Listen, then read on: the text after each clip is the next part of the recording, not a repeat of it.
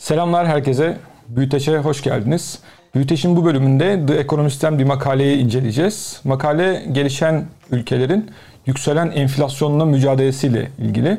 Makalenin içinde Hindistan, Rusya, Güney Afrika, Türkiye, Meksika, Peru, Brezilya gibi ülkelerin şu anda içinde bulunduğumuz Covid ve Covid sonrası dönemdeki problemleri ve en büyük problem olan belki de e, yükselen enflasyon işleniyor. Son dönemde gelişen ülkeler problemli dönemler geçirdiler. Bunlardan bunun sebeplerinden bir tanesi e, Rusya'da ve Türkiye'deki yangınlar. E, bunlar iki ülkeyi de farklı yönlerden etkiledi. Bunun dışında çok düşük aşılama oranları var bazı gelişen ülkelerde. Mesela Rusya'da iki aşı olmuş kişilerin oranı %24. E, Hindistan'da %9. E, Güney Afrika'da %7. Dolayısıyla bu düşük aşılama oranları gelişen ülkelerin Covid'den çıkma, ekonomik anlamda çıkmalarını zorlaştırıyor. Bunun yanında baktığımızda aslında en büyük problemlerden bir tanesi de az önce söylediğim gibi e, yükselen enflasyon, geçici mi kalıcı mı tartışmaları gelişmiş ülkelerde olmakla birlikte gelişen ülkelerde de var. Baktığımızda Brezilya'da %9 gibi bir enflasyon olduğunu görüyoruz ki hedefin iki katı. Rusya'da %6,5 ki onlarda da hedef %4. Diğer taraftan Hindistan'da da zaten yüksek bir enflasyon vardı görece. %6 gibi bir enflasyon orada da hala olduğunu görüyoruz. Tabii Türkiye ile karşılaştırdığımızda bu enflasyon rakamları size düşük gibi gelebilir. Ama Covid öncesine baktığımızda gelişmiş ülkelerin enflasyon oranları %1 ile 2 arasında, gelişmekte olan ülkelerin de %3 ile 4 arasındaydı. Şimdi bu rakamları gördüğümüzde de bunların çok yüksek olduğunu e, Türkiye'den baktığımızda belki fark edemiyoruz ama gerçekten de yüksek rakamlar. Şimdi e, iyi olan şeyler de var. İyi olan şeylerden bir tanesi de gelişen ülkelerin büyümelerinin iyi gitmesi. Özellikle emtia ihracatçısı, gıda olabilir, e, petrol olabilir, diğer taraftan metal olabilir. İhraç eden ülkeler büyümelerde e, iyi durumdalar. Bazı ülkeler Covid öncesi üretim düzeylerini bile yakaladılar. Ama Covid sonrası büyümenin şöyle bir problemi var. Büyüme adil gerçekleşmiyor. Bazı sektörler, bazı e, gelir grupları daha fazla büyümeden fayda sağlarken bazı e, gruplarda ciddi bir negatif ayrışma söz konusu. Bunu ortadan kaldırmak için biraz daha adil bir ülke haline getirmek için kendi ülkelerini, gelişen ülkelerden bahsediyorum.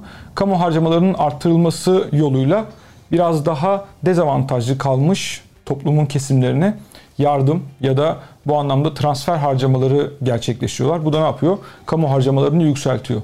Dolayısıyla bu kamu harcamalarının yükselmesi Covid sonrası dönemin bir problemi. Zaten Covid döneminde benzer şeyler vardı. Bu problemin de en çok yaşandığı ülkelerden bir tanesi Brezilya. Çünkü geçmişte de kamu harcamaları ile ilgili problemleri olan bir ülke. Tabii kamu harcamalarını arttırdığınız zaman toplam harcamaları arttırmış oluyorsunuz. Toplam harcamaların artması demek toplam talebin artması demek. Az önce bahsettiğim gibi yükselen talep, yükselen fiyatlara ve enflasyona sebep olabiliyor. Dolayısıyla enflasyonun ortaya çıkması gelişmiş ülkeleri rahatsız ediyor ama gelişmekte olan ülkeleri daha fazla rahatsız ediyor. Çünkü geçmişlerinde e, enflasyonla ilgili büyük problemleri var. En azından enflasyonun sebeplerinden bir tanesi olan o algının değişmesi, beklentileri yönetme anlamında gelişmiş ülkeler kadar mahir değiller. Dolayısıyla önlem almak zorundalar. Önlem de alıyorlar. Ee, son Mart'tan bu yana baktığımızda gelişmekte olan ülkelerde bir faiz arttırım furyası olduğunu görüyoruz. Bu furyaya katılan ülkelerden Brezilya %1.75 faiz arttırdı Mart'tan bu yana. 3 sefer e, ve son seferde 1 olmak üzere.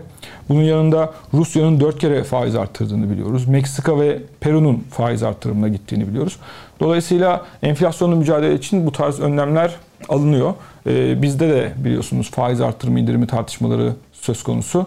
E, Merkez Bankası görece sıkı para politikası uyguladığını söylüyor. Diğer taraftan bu kadar yüksek enflasyona bu politikanın sıkı olmadığını düşünen, iddia eden görüşler de var.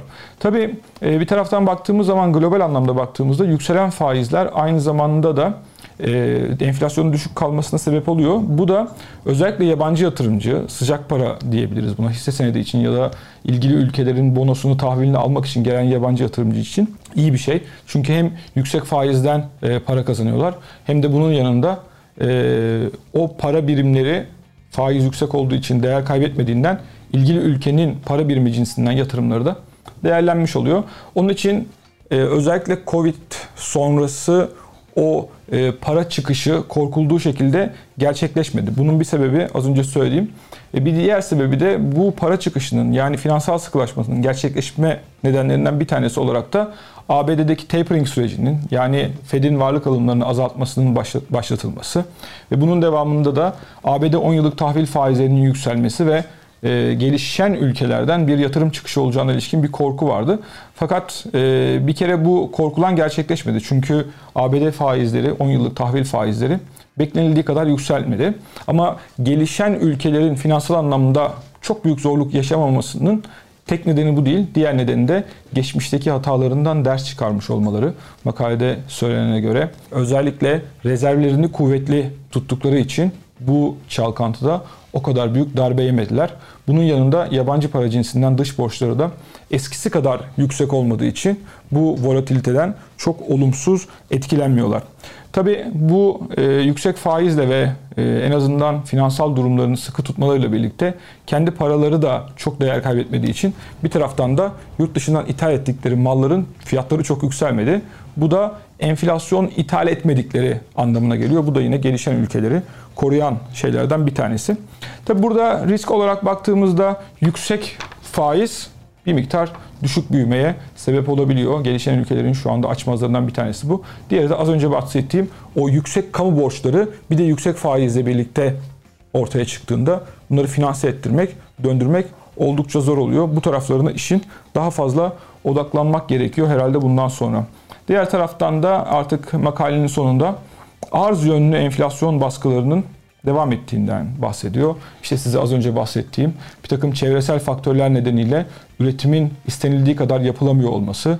Diğer taraftan taşımacılık gibi bir takım problemlerin hala dünya ticaretinin önünde olması. Öbür taraftan da hala Covid ile ilgili bazı kapanmaların yine arz tarafında problem yarattığını biliyoruz. Dolayısıyla bu problemler aşıldığı takdirde yakın zamanda aşılmasına ilişkin emareler en azından aşılanmayla beraber ortaya çıkıyor. Bunun bu e, bu problemlerin aşılması diğer taraftan da biliyorsunuz özellikle Amerika ve Çin tarafında e, çok ciddi bir Covid sonrası talep patlaması var. Bu talep patlamasının da yavaş yavaş normale döneceğini iddia ediyor makale. Dolayısıyla bunları da beraber koyduğumuzda enflasyonun eski seviyelerine dönebileceğini ve bu ekonomideki ciddi dalgalanmaların da ortadan kalkabileceğini söylüyor. Evet efendim bu büyütecin bu bölümünde The Economist'in özellikle gelişen ülkelerin yükselen enflasyon ve bunun risklerine ilişkin makalesini analiz ettik. Bir sonraki büyüteçte görüşmek üzere. Hoşçakalın.